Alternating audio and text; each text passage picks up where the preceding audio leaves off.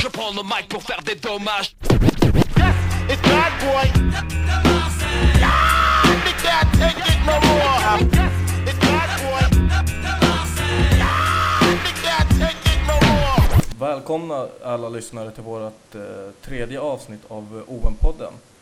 Eh, jag har Mattias Håkansson med mig idag. Eh, återigen då, jag och Matte. Eh, tänkte snacka lite om den senaste matchen som Marseille spelade, vilket var igår mot eh, nykomlingen Guingamp. Eh, och så tänkte vi tala lite om ett nyförvärv som har kommit till Marseille och även inför eh, nästa match som man spelar mot eh, Volan, ja, mot Evian är det. Mm.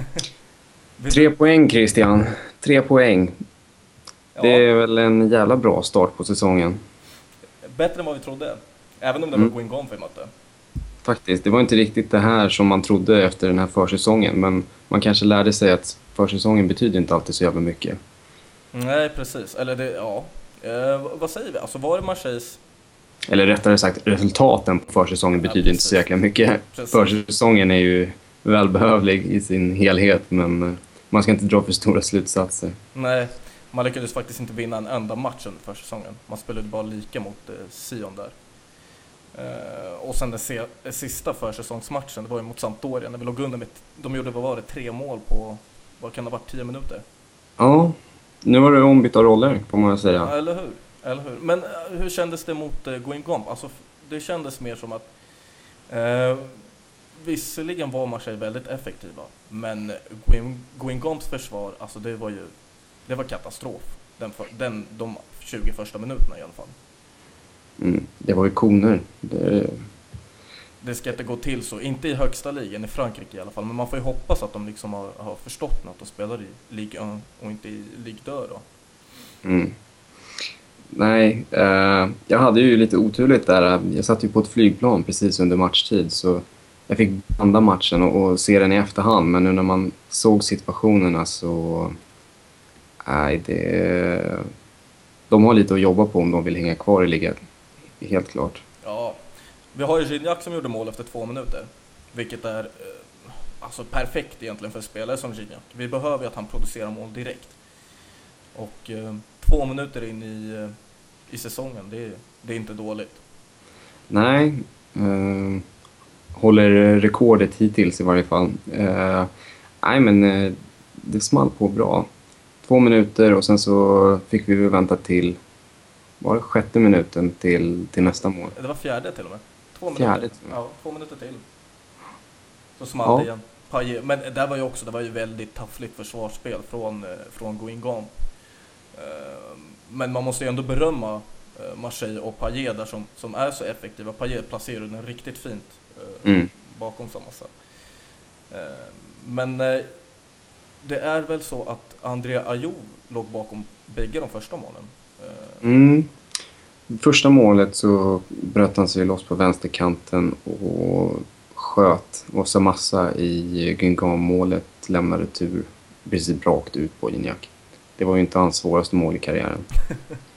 eh, och andra målet så var det också Ayew som bröt sig loss på vänsterkanten och slog någonting som såg ut som ett riktigt misslyckat inlägg som, som studsade fram. Men som sagt, det blev ju lite flipper. Det var väl någon tunnel och sen så någon touch på en försvarare. Den gick väl förbi fyra personer tror jag i motståndarlaget innan den landade hos Payet. Mm.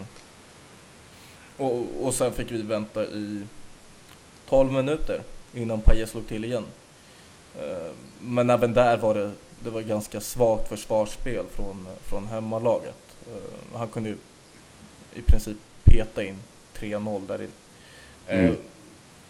Men vem var det som slog? Visst var det Mendy som slog in inlägget från vänster? Eh, till tredje målet. Till tredje målet ja. Eh, ja, och sen fångade Valbuena upp den på Ja. bortre stolpen. Eh, och sen gjorde Payet mål på ytterligare en retur som eh, Samassa släppte på, på Valbuenas skott. Så ja, det var väl lite... Man ska inte klandra målvakten för mycket med tanke på att han räddade, men han släppte ju returerna rakt ut. Och eh, ja, det straffar sig. Det, det gör det helt klart. Det stod ju 3-0 efter 45 minuter och Det kunde lika gärna ha stått 4-0 efter eh, Valbuenas eh, lilla cykelspark där. Ja, Jag fattar inte hur han får, får upp sina ben alltså, med de där, Det ser ut som två tändstickor som flyger upp. ja. Nej, Snyggt klass alltså. Ja, Det var ju en fröjd att se honom och Payet. Det var ju som två små ballerina dansörer där när de dribblade sig fram och kombinerade fint. Och, så, alltså, så lätta fötter. mm, mm. Ja, vi har mycket fotbollsgodis att se fram emot den här säsongen. Helt klart. det har vi absolut. Eh, vi, om, om vi tittar, ja, alltså vi kan ju se Valbuena och Payet, de, de hade ju show, alltså de hade ju lekstuga i alla fall första halvleken. Men eh, om vi tittar lite längre bak där i, i banan så har vi ju eh, Romao och så har vi även Imbula som vi värvade från, eh, från eh, nu bort. Guingamp. eh, Ja. hur, hur tyckte du att eh, Imbula skötte sig? Jag, jag tyckte att alltså, han, han tog för sig som han gjort under försäsongen också. Mm. Han klev Han- fram i situationer som han skulle kliva fram i. Han, Exakt. spelade, han, han låg bakom 2-0 målet när han spelade ut till, Till Ayo. till Ayo på vänsterkanten. Ja, nej, han var ju lika nyttig som vi, vi förutspådde att han skulle vara. Det känns ju som att han fyller den där luckan perfekt från, från föregående säsong. Och vågar vända upp spelet och eh, ta kliv framåt. Och jag menar, han är så... Eh, han, är- han är inte särskilt begränsad utan han kan både slå den där eh, djupledspassningen eller ta de där eh, kliven förbi motståndsspelaren, eh, vända sig ur press. Jag menar, han, han är ju väldigt... Eh, hjälp mig hitta ordet. Komplett. Ja. kanske? Nästan komplett. Nästan. Nästan komplett. Lite att slip, slipa på, men jag menar... Det var länge sedan jag såg en så lovande 20-åring. ja. Eh, det är ju det också. Vi, vi kan ju nämna att han är 20 år. Eh, så han har väl ett par eh, år till där som han kan eh, slipa på sin på, på de dåliga eller på de negativa sidorna. Som, inte för att det är så många negativa sidor men det Nej, det är väl snarare bara att bli bättre på det han redan är bra på. Ja. Sen får vi se när han ställs också mot lite tuffare motstånd som kanske Paris Helt och, klart, helt och, klart. och Lyon och liknande och Monaco där.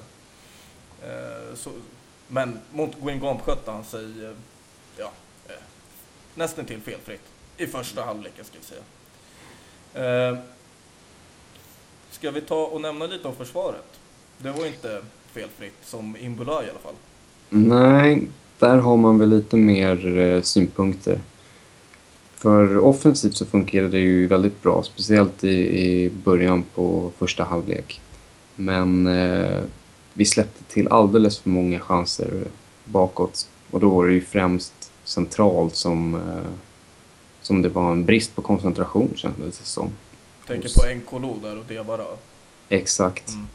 Eh, Nkolo stod för flera felpass i spelsfasen. Eh, han missade eh, offside-situationer. Det var någonstans där när Gignac eh, blev sparkad på smalbenet och la sig ner och Marseille-spelarna nästan stannade av och trodde att det skulle bli avblåst eller någonting. Och, eh, de bjöd Yatabare på en jättechans. Han var inte riktigt koncentrerad, kändes det som.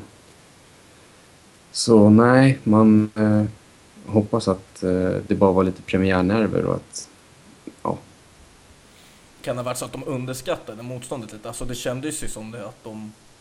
de, de det, liksom, det är exakt den sekvensen som du tänkte på där att eh, eh, när Gignac skada, eller skadade sig och så slogs ett inlägg in mot eh, Jatta Baré där.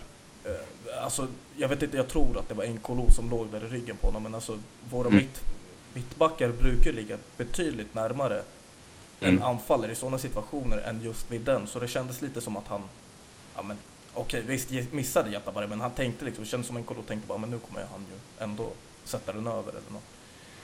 ja, jag vet inte riktigt. Han... han eh, alltså, som sagt, jag hoppas att det är premiärnerver för det, det kändes som att koncentrationen var inte på topp och det gällde ju inte bara Nkolo utan det var ju även ja, Diawara. Jag har aldrig sett Diawara förlora så många nickdueller i en match exempelvis. Jag menar, det ska ju vara hans esse. Han ska ju han ska inte förlora några bollar i luftduellerna men nej, det var ju flertalet tillfällen.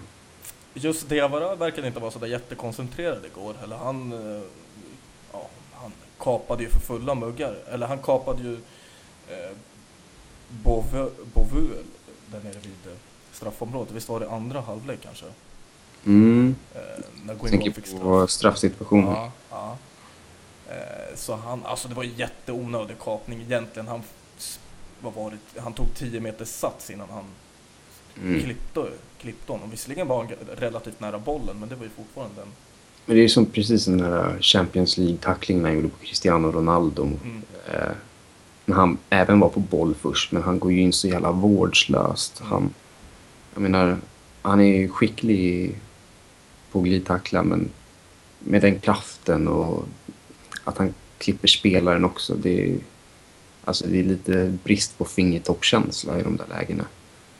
Jag hade gärna sett Lucas Mendes starta där eh, istället. Han eh, börjar bli lite av en personlig favorit, men han verkar vara lite mer... Eh, ja, vad ska man säga? Alltså st- stabil är ju... Alltså bägge är ju stabila spelare, men de här... Vi slipper ju i alla fall de här... Eh, Idiottacklingarna. Ja, Ja. de, de slipper vi i alla fall. Och dessutom är ju Lucas Mendes, han är ju inte så gammal han heller. Vad, är han? 23-24 kanske? Han är ett år yngre än Nkulo, så han är väl 22 tror jag till och med. Nkulo är 23. Okej, ja. Eh. Så jag hade ju hellre sett att Lucas Mendes hade startat där än eh, 30-plussaren Diawara. Mm. Eh, men, men förhoppningsvis startar han i nästa match där mot Evian. Det hade ju varit eh, bra och sen att man liksom får behålla startelvan. Ja, det känns lite som att, jag menar det var ju ett vinnande koncept förra säsongen eh, med Nkolo och eh, Mendes. Varför inte spinna vidare på det? Det känns som att Diawara, ja, han- hans bästa år har, har passerat. De har passerat. Eh, om vi ska ta kort lite om vårt eh, tredje nyförvärv. Vi har ju talat om Imbula och Payet. Eh, och så talade vi visserligen lite om Mendy, men eh, han gjorde väl inget större avtryck. Alltså han gjorde ju det han skulle göra. Mm. Eh, sen, eh, visserligen var det ju bra där vid tredje målet att han Ja. var med på anfallet. Nej, men jag tycker han skötte sig bra. Alltså, utan att höja han till skyarna så tycker jag han spelade jävligt moget. Han, eh, han höll sin kant eh, ren. Nu var det ju mot ett av de svagare motstånden i ligan förvisso, men eh, nej, jag tycker han gör det bra. Eh, Vad tror Så- du? Tror du Morell kommer ta, ta tillbaka sin plats där på en gång? Ehm, ja, det återstår att se. Jag, eh, jag tycker det är väldigt ovisst nu inför nästkommande match. Mm. Om det blir Morell eller Mendy som startar. Mm. Det skulle kunna bli vilket det då. Eh, För jag tycker verkligen Mendes gjorde inte bort eh, Mendy gjorde inte bort sig. Så jag skulle inte vara förvånad om han startar igen. Nej. Samtidigt så Morell har mer erfarenhet så skulle han starta så skulle det också kännas... Ja, det skulle inte vara särskilt konstigt heller så... Ja, vi får se hur Bob tänker. Morell var ju inte sådär jättedålig förra säsongen. Han skötte ju också sig. Han, han fick godkänt i alla fall, eh, till skillnad från säsongen innan det. Mm. Eh, så jag håller ju absolut med. Alltså det, är, det är egentligen 50-50 mellan de båda. Jag hoppas ju att eh, Bob kikar lite på vem som är hetast på träningarna. Mm. Men det, det gör han väl säkert. Vi kan väl nämna Mandanda. Han var ju fenomenal, Ja, som vanligt. jag, jag vet inte. Han, han tar straffen, vilket är... Jag minns inte senast han tog en straff. Eh, det är jävligt bra. Och sen så har han en hel del bra ingripanden. Det var ett par... Det var några utsparkar där det kändes som att han... Jag vet inte, han smällde upp två stycken på läktaren. Mm. Sen Han var ju helt fel ute vid en hörna också. Jag Ja, vet inte vad han höll på med där. det var två, tre inläggstillfällen där han eh, gick bort sig eh, helt vid några utboxningar. Mm. Och eh, jag vet inte, jag kollade lite Twitterflödet och det var några som gick väldigt hårt åt honom. Så, så illa tyckte jag inte att det var. Eh, han kan inte riktigt heller stå till svars för hur sen, ja, mittbackarna sköter sig. Visst, han ska hålla ihop backlinjen, men eh, ja, någonstans så... Det finns en gräns till hur mycket han kan påverka och de var ju helt klart väldigt ofokuserade. Ehm, men han gjorde en godkänd eh, insats tycker jag. Mm. Han blev riktigt sur där på Nkolo också när han eh, var så nonchalant och tappade bollen till eh, en Guin Gomp-spelare som spelade in den till Jatabaré där vid 3-1 målet. Mm. Eh, han hade ju förmodligen velat hålla nollan men det, Mm. så det är ju förståeligt. Jag tycker även vi måste nämna nästan att eh, alltså Guingamp skapade ju många chanser och eh, det var tur för oss att med Jatabaré och Bové ja, sprang offside. Alltså de, de spelade ju dåligt. De missade många bra lägen. Mm. Som sagt, sumpa en straff. Eh, Bové hade ju ett offside-mål eh, ogiltigförklarat där också. Mm. Där han, och det var inte så att det var Marseilles backlinje som hade någon sorts offside-fälla utan det var ju rent slarv utav Mm. Bové att inte hålla sig på rätt sida om linjen. Så eh, deras oförmåga att gö- utnyttja sina chanser eh, ja, Det Den- ger Marseille tre pinnar egentligen alltså. ja, Eh, Och, och sen deras oförmåga att eh, ha, ja, deras oförmåga att försvara. Ja. om man säger det så, alltså om man, är väldigt, om man går väldigt hårt åt, åt dem. Sen ska vi, vi ska även nämna att eh, så taskiga ska vi inte vara. De, de har ju precis flyttats upp och tappat en av deras bästa spelare i Imbola. Eh, Så man kan väl inte förvänta sig så där jättemycket av Guingamp, men det... nej de flesta har ju tippat dem som sista, Mm, sista lag i tabellen i slutet av eh, maj så förväntningarna är ju ganska låga. mm. Eh, vi kan ju nämna ganska kort att eh, Jordan Ayew och Amal Fitano fick hoppa in. Eh, gjorde väl inte så, så, så mycket väsen av sig. Eh, Jordan Två ta- Ja. Två taktiska grejer som jag, jag tänkte på under matchens gång som jag skulle vilja ta upp. Så det var dels pressspelet som jag tyckte var extra tydligt i början av matchen. Att Marseille pressade väldigt högt och aggressivt. Och om det var, måste varit riktlinjer från eh, Eli Bob. Ehm, och det hoppas jag att de fortsätter med. Kanske var det som gjorde att spelarna tog ut sig lite mot slutet också. Och sen så var det intressant att se att Ayu och Payet i andra halvlek eh, bytte kant med varandra. Även om det kanske inte gav utdelning så visade det på någon sorts ja, kanske plan inför för framtida matcher. Och det är, det är ju bra att de håller på att slipa på sådana detaljer så att man har fler taktiska möjligheter om matcher skulle låsa sig. Absolut. Det är ju, eh, det, är- det är, ju- alltså, det är ju två starka spelare också så det är ju eh, bra att man kanske inte håller sig på sin kant och blir eh, läst varje situation och liknande av, av försvararen man ställs Nej. Så hamnar man i underläge mot sin försvarare så skulle man kunna skifta och förvirra motståndarna lite. Mm. Eh, ja, hur som helst så inkasserade Marseille tre poäng, vilket eh, man kan se är det viktigaste egentligen, även om, eh, som vi har nämnt lite, andra halvlek inte var eh, världens roligaste fotbollshalvlek. Eh, och om vi ska nämna något mer lite kort så är det väl Gignac och Bopp, när Gignac blev utbytt. Just det. Det blev lite, lite tjafs däremellan. Eh, Men visst såg det ut som om Bob liksom, han, han hetsade inte upp sig mot Gignac som verkade vara väldigt irriterad. Mm. Det är lite eh, sydfranska temperamentet där.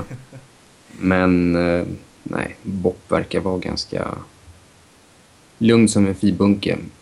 Han eh, brusade inte upp sig eller någonting och efter matchen så såg jag att han ja, tonade ner händelsen. Så nej, jag tror inte det var så mycket. Nej. Det var De nog är- bara stundens hetta. De är förmodligen kompisar idag på, eh, på träningsanläggningen så det ska inte vara något problem där i alla fall.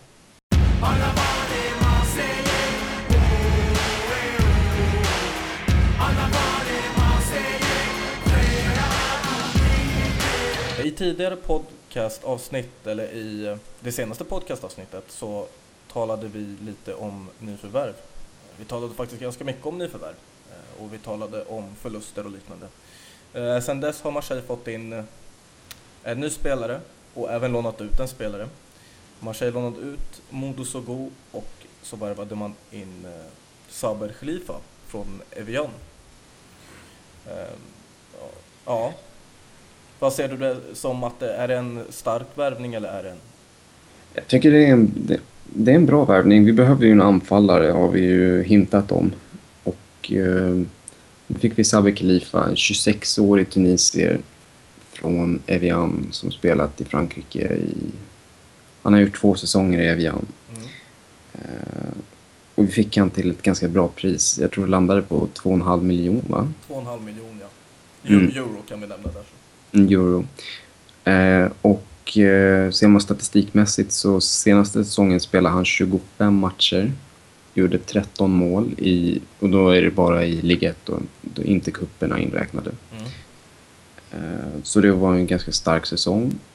Han beskrevs av sin förre tränare Duprat som eh, snabb, rörlig, klinisk anfallare. Lite åt djupledslöparhållet. Eh, stark högerfot. Eh, för den som inte vet så gjorde han ju ett av årets mål förra säsongen när han smällde till från, vad var det, 63 meter Mm. mot Nice. Eh, så det är ett spännande nyförvärv, helt klart. Och kollar man lite på historiken så har han ju en ganska spännande historia om sig. Eh, där han ja, spelade i Tunisien ganska länge under sin karriär. Tills han 2011 hamnade lite i onåd hos sin tunisiska klubb och lånades ut till Al-Ali. Och eh, de flesta tänker ju på Al-Ali i eh, Egypten. Men eh, det var inte det Al-Ali utan det var i Libyen. Så ja, han spelade i Benghazis lag i Libyen och det här var ju då precis innan kriget bröt ut. Och han hann göra fyra matcher där tror jag, gjorde tre mål innan han var tvungen att fly, fly kriget i, i Ja. Ja, i, vad var det? Han fick sitta hukad i en buss när de körde över gränsen och sen så eh, tog de sig väl in i eh, Egypten tror jag innan de kunde flyga därifrån. Och, eh, ja, hans tidigare tränare nämnde att det var någonting som troligtvis har stärkt hans mentalitet ganska mycket. Det är en kille med fötterna på jorden och han, han vet eh, han, han är inte den som, som driftar iväg riktigt och den här bort, bortskämda typen som vi blivit så van vid i, fransk fotboll. Utan det här är ju en som, ja, som är glad att han lever. Ja, om vi snackar eh, lite spelmässigt i Marseille. Vi vet ju att han, han har ju producerat i Evian. Eh, han var deras eh, ja, alltså toppforward i alla fall. Eh, eller första val där framme. Det känns ju som att han liksom kan nog utmana Gignac om anfallspositionen bara han kommer in i spelet så att säga. Mm. Ehm, visserligen kanske folk tänker nu att 13 mål i Evian, det är inte någon bedrift. Ehm, men, men det är det faktiskt. Alltså, Evi- Evian är ju ändå ett, det tippades ju vara ett bottenlag förra säsongen. Mm. Ehm, så han har ju kanske inte burit laget på egna axlar, men han har gjort väldigt bra ifrån sig och fått laget, eh, i alla fall li- liksom, ja, varit med och hållit, och hållit kvar dem i högsta ligan. Mm. Jag skulle säga att han var skillnaden förra säsongen på Evian kvar i Ligue 1 eller om de skulle åka ur. Jag menar, det var... Den sortens status hade han i Evian. Mm. Så, och, och sen kan vi säga, alltså priset 2,5 miljon euro, det är ju... Vi är inte vana med, med att Marseille gör så bra dealer, Nej, eh, som vi har nämnt tidigare, så det är ju... Ja, alltså det är, det är nästan så att man vill festa för att det är så sjukt. det, men det är, det är väldigt konstigt för, för de som inte har följt Marseille i alla fall de 6-7 senaste åren. Eh, Man är mer van med att man värvar in spelare som Lucho, det vill säga väldigt dyrt, och så skeppar man iväg dem för eh, en väldigt billig peng eller inget alls. mm. Eh, Men om vi ska koncentrera oss på Khalifa, han verkar ju vara, som du säger, alltså han har ju huvudet på skaft så att säga. Eh, Och som jag nämnde här lite tidigare, han kan ju utmana Gignac. I alla fall känns det som att han kan utmana Gignac. Han och Gignac har ju, det känns inte som att de har samma spelstil i alla fall. Nej, inte riktigt. Ehm, men eh, i frågan om inte på pappret så tror jag nästan Khalifa skulle passa in bättre i, i Marseille. Jag såg en intervju med, med Bopp nu när han pratade om Khalifa så nämnde han också att, att det var en spelare som kunde spela på flera olika positioner. Och då nämnde han att han kunde spela ute på kanterna samt som central anfallare. Så man får se lite vad han har för tanke med honom om man kommer eh, varva honom ute på kanterna eller om man kommer sikta på att spela honom som central anfallare eller vad, vad egentligen Bobs ja, tanke med värvningen är. Eller Anigos tanke kanske. Ja. Eh, förhoppningsvis får vi se han eh, konkurrera mot Gignac. För jag tror att det hade stärkt även Gignac. Eh, Mm. För eh, alltså Gignac, na- det känns som att när han inte har någon konkurrens så blir han för bekväm i sin roll och därför blir det så att han eh, kanske sjunker i kvalitet eller liknande. Men när han känner liksom att hans plats är hotad då kanske han stärker sig själv också. Eh, Men ja, eh, vi får ju se hur Bob Det återstår att se. Man Ja. undrar ju lite det här äh, nu när han blev så förbannad på Bob när han blev utvisad att det kanske är att han är lite, lite skraj för sin, eh, sin position som ohotad etta i anfallet. Mm, Ehm, Att det är därför han är så mån om sin speltid. mm. Det, det kan det vara, så man vet ju aldrig. Eh, Men sen tänkte jag också lite på utlåningen av Modo Sogo. Alltså, vad ger det egentligen för, för signaler till andra spelare som vill komma till Marseille? Man värvar en spelare under transferfönstret i, i, i, under vintern. Och sen ger man honom knappt chansen att lira och sen, värva, och sen lånar man ut honom. Det, samma sak hände med Raspentino. Mm. Ehm, vad, alltså vad kan det egentligen... Hade, hade jag varit en spelare som hade varit intresserad av att gå till Marseille då hade det liksom känts såhär, men vad fan, får jag inte chansen så kommer jag ändå bli utlånad. Så det känns inte sådär jätte, eh, jättebra egentligen. Ja. Eh, det, man kan ju ifrågasätta scoutingen lite där, men jag tycker inte så har gjort bort sig när han spelat heller. Eh, han kanske hade en eh, önskan om att få spela mera. Och jag menar, med tanke på den konkurrenssituation som finns i Marseille så, så kanske det var ett bättre karriärskliv för honom att ta ett, ett lån och få, mycket speltid. Jag tror han kommer vara ordinarie i, i Evian framöver. det, det tror jag också. Så um, jag tror det kan bli en win-win om han får en bra säsong. Det var väl ingen uh, köpklausul i, i det här lånet. Nej, det, det inte vad jag vet. Så det tror jag inte. Mm. Jag hörde faktiskt att de ville ha Jordan Ayew först på lån. Men att uh, Marseille sa nej och så fick de Sogo istället. Um, så det säger lite om kanske hur Marseille ser på Jordan. Att Ja, uh, man har en plan för honom. ja. Eller så kanske André Ayew satte stopp för det. Det vet man ju aldrig. Han vill inte att Nej. Nej. brorsan drar någonstans. Och då eh, vill Marseille hålla André eh, glad och så låter man brorsan vara kvar där. Eh, och sen fick han ju hoppa in igår också. Eh, men, men. Vi har ju väl suttit eh, varje år som Jordan Ayew har varit uppe i A-laget har vi väl suttit och hoppats på att eh, det, nu är det året som han ska blomma Explodera. Ja. Mm. Men eh, hittills har det inte varit så. Utan det enda som har exploderat är hans attityd. Ja, Men- skulle vilja se att de ger honom lite tålamod. Låt honom starta tre, fyra matcher på topp. Nu är inte riktigt... Ja, det känns ju inte som en möjlighet just nu med tanke på bara hur Gignac beter sig när han blir utbytt i... i eh, vad var det? 70 minuten eller vad det var. ja, okej.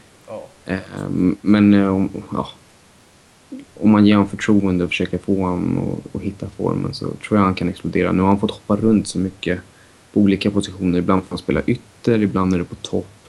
Det kanske är svårt att hitta sin position i laget när det blir så flyktigt. Det är sant, det kan det vara. Så vi får ju hoppas i alla fall att eh, Jordan och jag stannar på en och samma position så att han eh, äntligen blommar ut. Eller Mm. förhoppningsvis eh, blommar ut.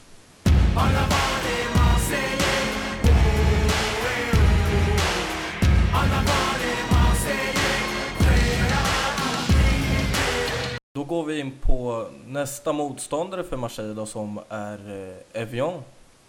Eh, och den matchen spelas på Stade Velodrome så det blir eh, hemmapremiär eh, för denna säsong. Eh, och ja, Evian kommer lite förs för, försvagade i och med förlusten av eh, Khalifa givetvis. Eh, men de spelade lika i den senaste matchen fick de i alla fall. Mm, 1-1 mot Sochaux, va? Mm. Eh, och där hade vi eh, Fabrice Eret, Eret kanske han heter, som målskytt för Evian. Eh, Ja. En f- fast situation tror jag. Det är väl där de är ganska, ganska farliga. Att de har eh, danske ytterbacken Daniel Wass brukar ta hand om många fasta situationer. Jag hänger nog frisparksmål per säsong också. Men ja, ja. det känns som ett Så- av deras farligaste vapen. Så vad tror du? Kanske det blir så att Diawara startar ändå i och med hans, eller, ja, hans förmodade liksom, eh, hierarki i luftrummet? Eller vad Mm. tror du? Alltså, Lucas Mendes är ju lite kortare, det kan vi ju redan Mm. säga redan nu. Fast däremot så är ju Lucas Mendes ändå en duktig huvudspelare. Även fast han kanske inte har längden eh, till sin fördel lika på samma sätt som eh, Diawara. Men jag... ja, det är svårt. Jag tror att... Jag tror att Mendes startar. Eh, och jag tror att... Jag tror att Morell startar också. Jag tror, jag tror att det blir lite rockader i backlinjen. Mendy gjorde det jäkligt bra. Jag hoppas att Mendy startar, men eh, jag tror att Bock kommer köra på Morell. Fanny, Enkolo, Mendes, Morell i backlinjen. Okay. Uh, eh, ja, jag, jag tror faktiskt att han kommer sätta Diawara där ändå. Han verkar ha väldigt, uh, vä- väldigt bra tålamod eller, med, med Mm. Diawara. Så, men jag hoppas verkligen på att Mendes startar där. Eh, Mm. Men jag tror dessvärre att Diawara kommer starta. Sen tror jag också, alltså, ja, vågar man säga tyvärr egentligen att Borrell startar ute på vänsterkanten. För jag, jag tyckte om att se Men- Mendy där. Mm. Eh, Men jag tror faktiskt som dig där att Morell kommer starta. Sen det defensiva mittfältet, det kommer väl förmodligen se likadant ut. För Cheiro har ju ingen chans att... att Och peta någon av dem? Nej, jag tror inte heller det. Och eh, offensivt tror jag inte att vi kommer se några skillnader heller. Alltså bytena kanske blir lite annorlunda den här matchen, men sett till den elva som eh, Bob ställer på plan tror jag, ja, offensivt kommer den se likadan ut. Ja. Eh, Så det, det finns ju egentligen ingenting där som han eh, kommer ändra på. Tror vi i alla fall. Mm. Det ju, ska ju bli intressant att se om eh, Khalifa får någon speltid. Han, eh, det blir lite samma sak som Imbula. Imbula gjorde sin eh, riktiga eh, premiär för Marseille mot sitt eh, forna lag och nu är det Khalifa. Hans övergång blev ju inte klar förrän till den här omgången. Och då är det mot hans tidigare lag också. Så vi får se om han får några minuter mot eh, Evian. Ja, kan bli lite häftigt. Eh, Han vet ju om någon eh, svagheterna i, i Evian-försvaret. Men om vi tänker så här, vem tror du petas ur truppen om uh, Khalifa ska in där? Vi har ju, alltså om vi tänker så här, vi har Cheiro, Amalfitano, Kadir, Jordan Ayoub, eh, Lucas Mendes och Kasim Abdallah och även uh, Brice Samba på bänken. Eh, eller det hade vi förra matchen i alla fall. Nu igår. Mm. Tror Abdallah ligger där? Alltså, men han, ja. Tror du Eh, man vågar peta Jordan Ayoub? Jag tror inte... Då ligger nog Amalfitano närmare till hands. Eller Kadir. Eh, att någon av dem eh, blir förpassad till läktaren och eh, att Khalifa får kliva in. Det är väl det som känns mest troligt. Ja. Det, det är ju synd att man inte, som sagt, vågar peta Jordan Ayew. Inte för att han har gjort någonting dåligt, men man vet ju hur det skulle bli där i truppen mellan André Ayew och resten av truppen. Mm. Det känns ändå som att det finns en viss tilltro för Ayoub, alltså den yngre brodern även. Jag, jag vet inte, det är svårt att... Som sagt, som du säger, det är ju en komplex situation med tanke på att hans storbrorsa är en sån nyckelspelare för Marseille. Precis. Eh, man vet ju inte till vilken grad det spelar in. Eh, men ehm, jag tror ändå att det finns ett visst förtroende för Jordan även hos spelarstaben som inte har att göra med, Jo- med Andreas Nej. inflytande utan Nej. De kanske sitter som oss och väntar på att han ska blomma ut. De ser väl, det är någonting de ser på träningarna som de vet finns där. mm, Eh, ja, så förhoppningsvis är det väl det de sitter och väntar på ska eh, blomma ut varje match. Jag tyckte han gjorde ett ganska hyfsat inhopp senast också. Eh, mot eh, eh, Eh, jag tyckte han var okej. Jag menar, han fixade några farliga frispark nere i hörnflaggan. Eh, han, eh, han var rörlig, agerade osjälviskt eh, vid någon situation där han kom lite snäv vinkel men fortfarande var han ganska nära mål och försökte Mm. spela snett in bakåt istället för att... Han drev upp tempot i alla fall när det var som, eh, som sämst i Marseille. Mm. Det kan man eh, ge han cred för. Eh, om vi ser lite på motståndaren, tror du det finns någon att, att flagga för i alla fall? Eller känns det som att... Eh, det är väl ingen speciell spelare sådär utan det är väl... Eh, de har Vass och Mongongu i försvaret. Annars är det ingen som sticker ut. Eh, jag tippade lite för skojs skull inför säsongen och då hade jag faktiskt Evian som en av de, de lag... Ja, ni kan ju se det i artikeln här på Svenska fans för övrigt. Eh, där bland annat du och jag ja, gav våra predictions inför den här säsongen och vilka lag vi trodde skulle åka ur. Och då, då tippade jag faktiskt Evian som ett av de lagen. Jag har inte särskilt stor tilltro till dem. Nej. Jag tippade faktiskt Valenciennes tror jag. Om inte... Ja, de har ju tappat så många spelare så Ja. det skulle vara så konstigt. Men Eh, Christian, vad tror du då? Har du något resultat där? Eh, alltså, om vi säger så här, i, i, i Svenska fansforumet har jag ju vågat tippa 3-0. Men det är bara för att jag liksom lever i min egna lilla bubbla just nu med att eh, Marseille spelar jättebra och har sjukt bra offensiv. Men om man ska vara lite mer taktisk så tror jag att alltså, jag tror att Evian kommer få in en boll där på en fast situation faktiskt. Vi har ju så kladdigt försvar ibland så jag tror nog att matchen slutar runt 2-1 till Marseille i alla fall. Det tror jag. Då är jag nog lite mer optimistisk. Jag säger 3-1. Jag säger att vi håller i den här mål, målskörds... eh, ja, målsnittet. Du tror det? Ja, det är väl Vilka hälften säger- hälften hjärta och hjärna. Eller så säger vi så här att eh, Evian tar ledningen med 1-0 och så kommer Khalifa in med en kvart kvar och så sä- sänker han dem med två baljor. Stänk han ett hattrick. Ja, eller hur? Det också... Ett mål från halva plan också. Ja, exakt. Och så firar han och springer ner till, kort, eller till den där lilla buren där eh, bakom Ja. Men det är inte sådär jättetroligt så det får vi se. Eh, Så ni behöver inte gå och oddsa eller tippa på våra resultat som vi har talat om. Det blir nog inget hattrick för Khalifa. Vi, eh, vi får se. Vi får se. Eh, ja, fram tills dess, fram tills matchen så får vi väl eh, Tacka för oss. tacka, ja precis tacka för oss och så får vi ho- hoppas att, eh, eller vi kommer ju höra oss, eller ni kommer höra oss i alla fall flera gånger. Eh, Ja, och ja, vi får väl ändå nämna att eh, om det är några förslag på saker ni vill att vi tar upp här i podcasten så är det bara att ni kommer in på vårt forum på Svenska fans, eh, Marseille-forumet och eh, delger era tankar eller så kan ni kontakta OM Sweden på Twitter eller eh, Facebook. Vi finns överallt. Så det är bara att höra av er till oss. Ja, Ja, då får väl vi tacka för oss. Tak to. Yes, it's bad boy. Ah, nigga, I can't no more.